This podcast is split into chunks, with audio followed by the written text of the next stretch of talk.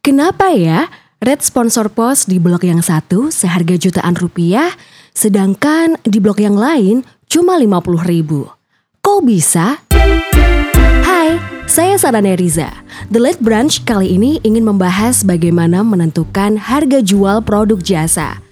Inginnya sih menentukan harga tinggi, tapi takut klien lari.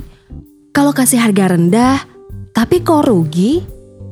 Mengapa bagi mereka yang berbisnis di industri jasa atau menjual keterampilan yang dimiliki, penting memikirkan terlebih dahulu bagaimana menentukan harga jual yang layak untuk produk yang mereka jual. Layak di sini berarti setimpal dengan modal yang dikeluarkan ditambah dengan laba yang diharapkan. Kesalahan dalam menentukan harga jual bisa loh membuat produk kita tidak laku, bahkan merugi.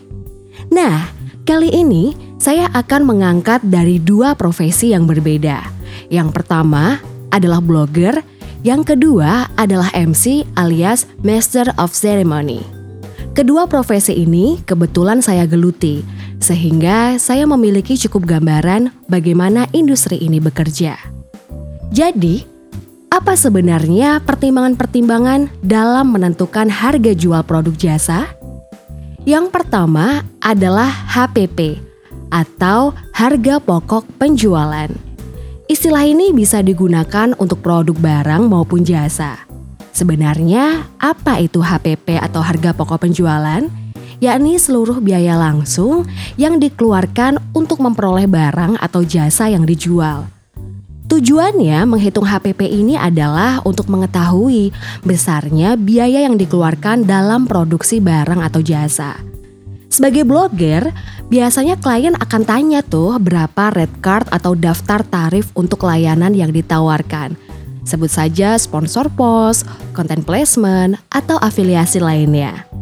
Nah, untuk blogger sebelum menyusun red card ini, coba deh hitung terlebih dahulu berapa besaran modal yang blogger keluarkan untuk membuat sebuah tulisan.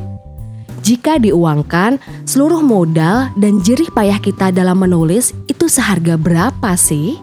Sebut aja kayak biaya listrik, kuota internet, research data, upah menulis, dan lain sebagainya. Contoh lain ketika blogger diundang ke event, masukkan juga di situ ongkos transportasi. Begitu juga dengan MC. Untuk menjadi MC sebuah event, apa saja sih modalnya? Bisa wardrobe, make up, transportasi, dan lain sebagainya. Nah, kalau kita mengetahui besaran HPP ini, blogger maupun MC sebaiknya tidak menjual jasanya di bawah HPP. Pertimbangan yang kedua adalah kompetitor. Sebelum menentukan harga jual, penting loh kita melakukan riset terlebih dahulu mengenai harga jual kompetitor kita. Coba deh ketika kita ngobrol-ngobrol bareng sama teman-teman blogger, tanya rate mereka itu berapa untuk sebuah project sponsor post. Ketika kita mengetahui harga kompetitor, ini akan memberikan wawasan untuk kita sebenarnya berapa harga pasaran untuk produk jasa yang sama. Jadi harapannya kalau pasaran untuk konten placement itu adalah 500 ribu, ya sebaiknya kita nggak jual seharga 100 ribu, gitu. Pertimbangan yang ketiga adalah sensitivitas. Perlu juga sebagai pemilik produk kita harus memikirkan sensitivitas dari produk yang akan dijual.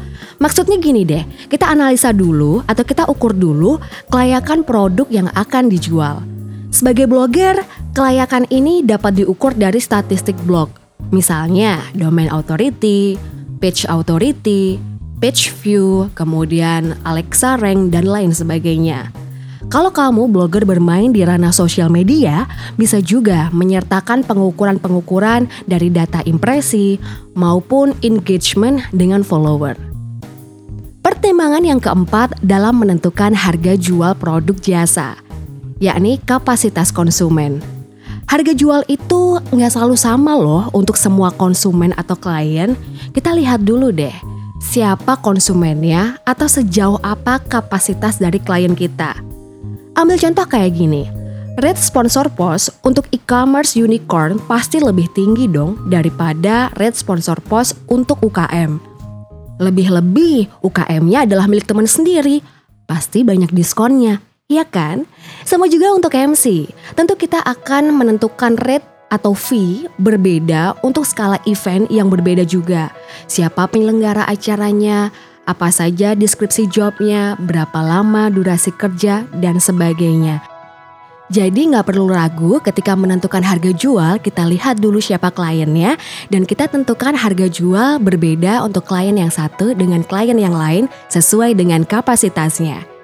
Nah, pertimbangan yang terakhir, yang kelima, untuk menentukan harga jual produk jasa yang kita jual adalah unique selling proposition. Unique selling proposition itu adalah hal yang membedakan produk kita dari para pesaing lainnya. Atau dengan kata lain, apa sih yang membuat produk kita spesial? Unique selling proposition atau bisa juga disebut unique selling point ini merupakan intangible asset atau aset tidak berwujud jadi nggak kelihatan. Contohnya kayak nama baik dan juga personal branding. Jangan heran kalau kita melihat seorang public figure atau influencer akan mematok tarif yang tinggi karena kekuatan branding yang mereka miliki. Nah, unique selling point ini sifatnya sangat subjektif dan gak bisa dilihat secara kasat mata. Artinya, si pemilik produk jasa bisa loh mematok berapapun tingginya asalkan persepsi di pihak penjual sama dengan value yang dirasakan atau didapatkan oleh klien.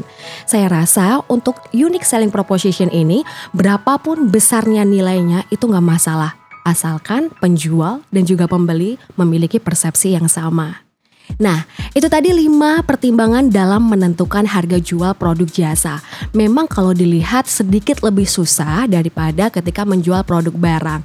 Tapi harapannya baik itu blogger ataupun master of ceremony ataupun mereka yang bergerak di industri jasa apa pun bisa lebih bijak ketika menentukan harga jual yang pas.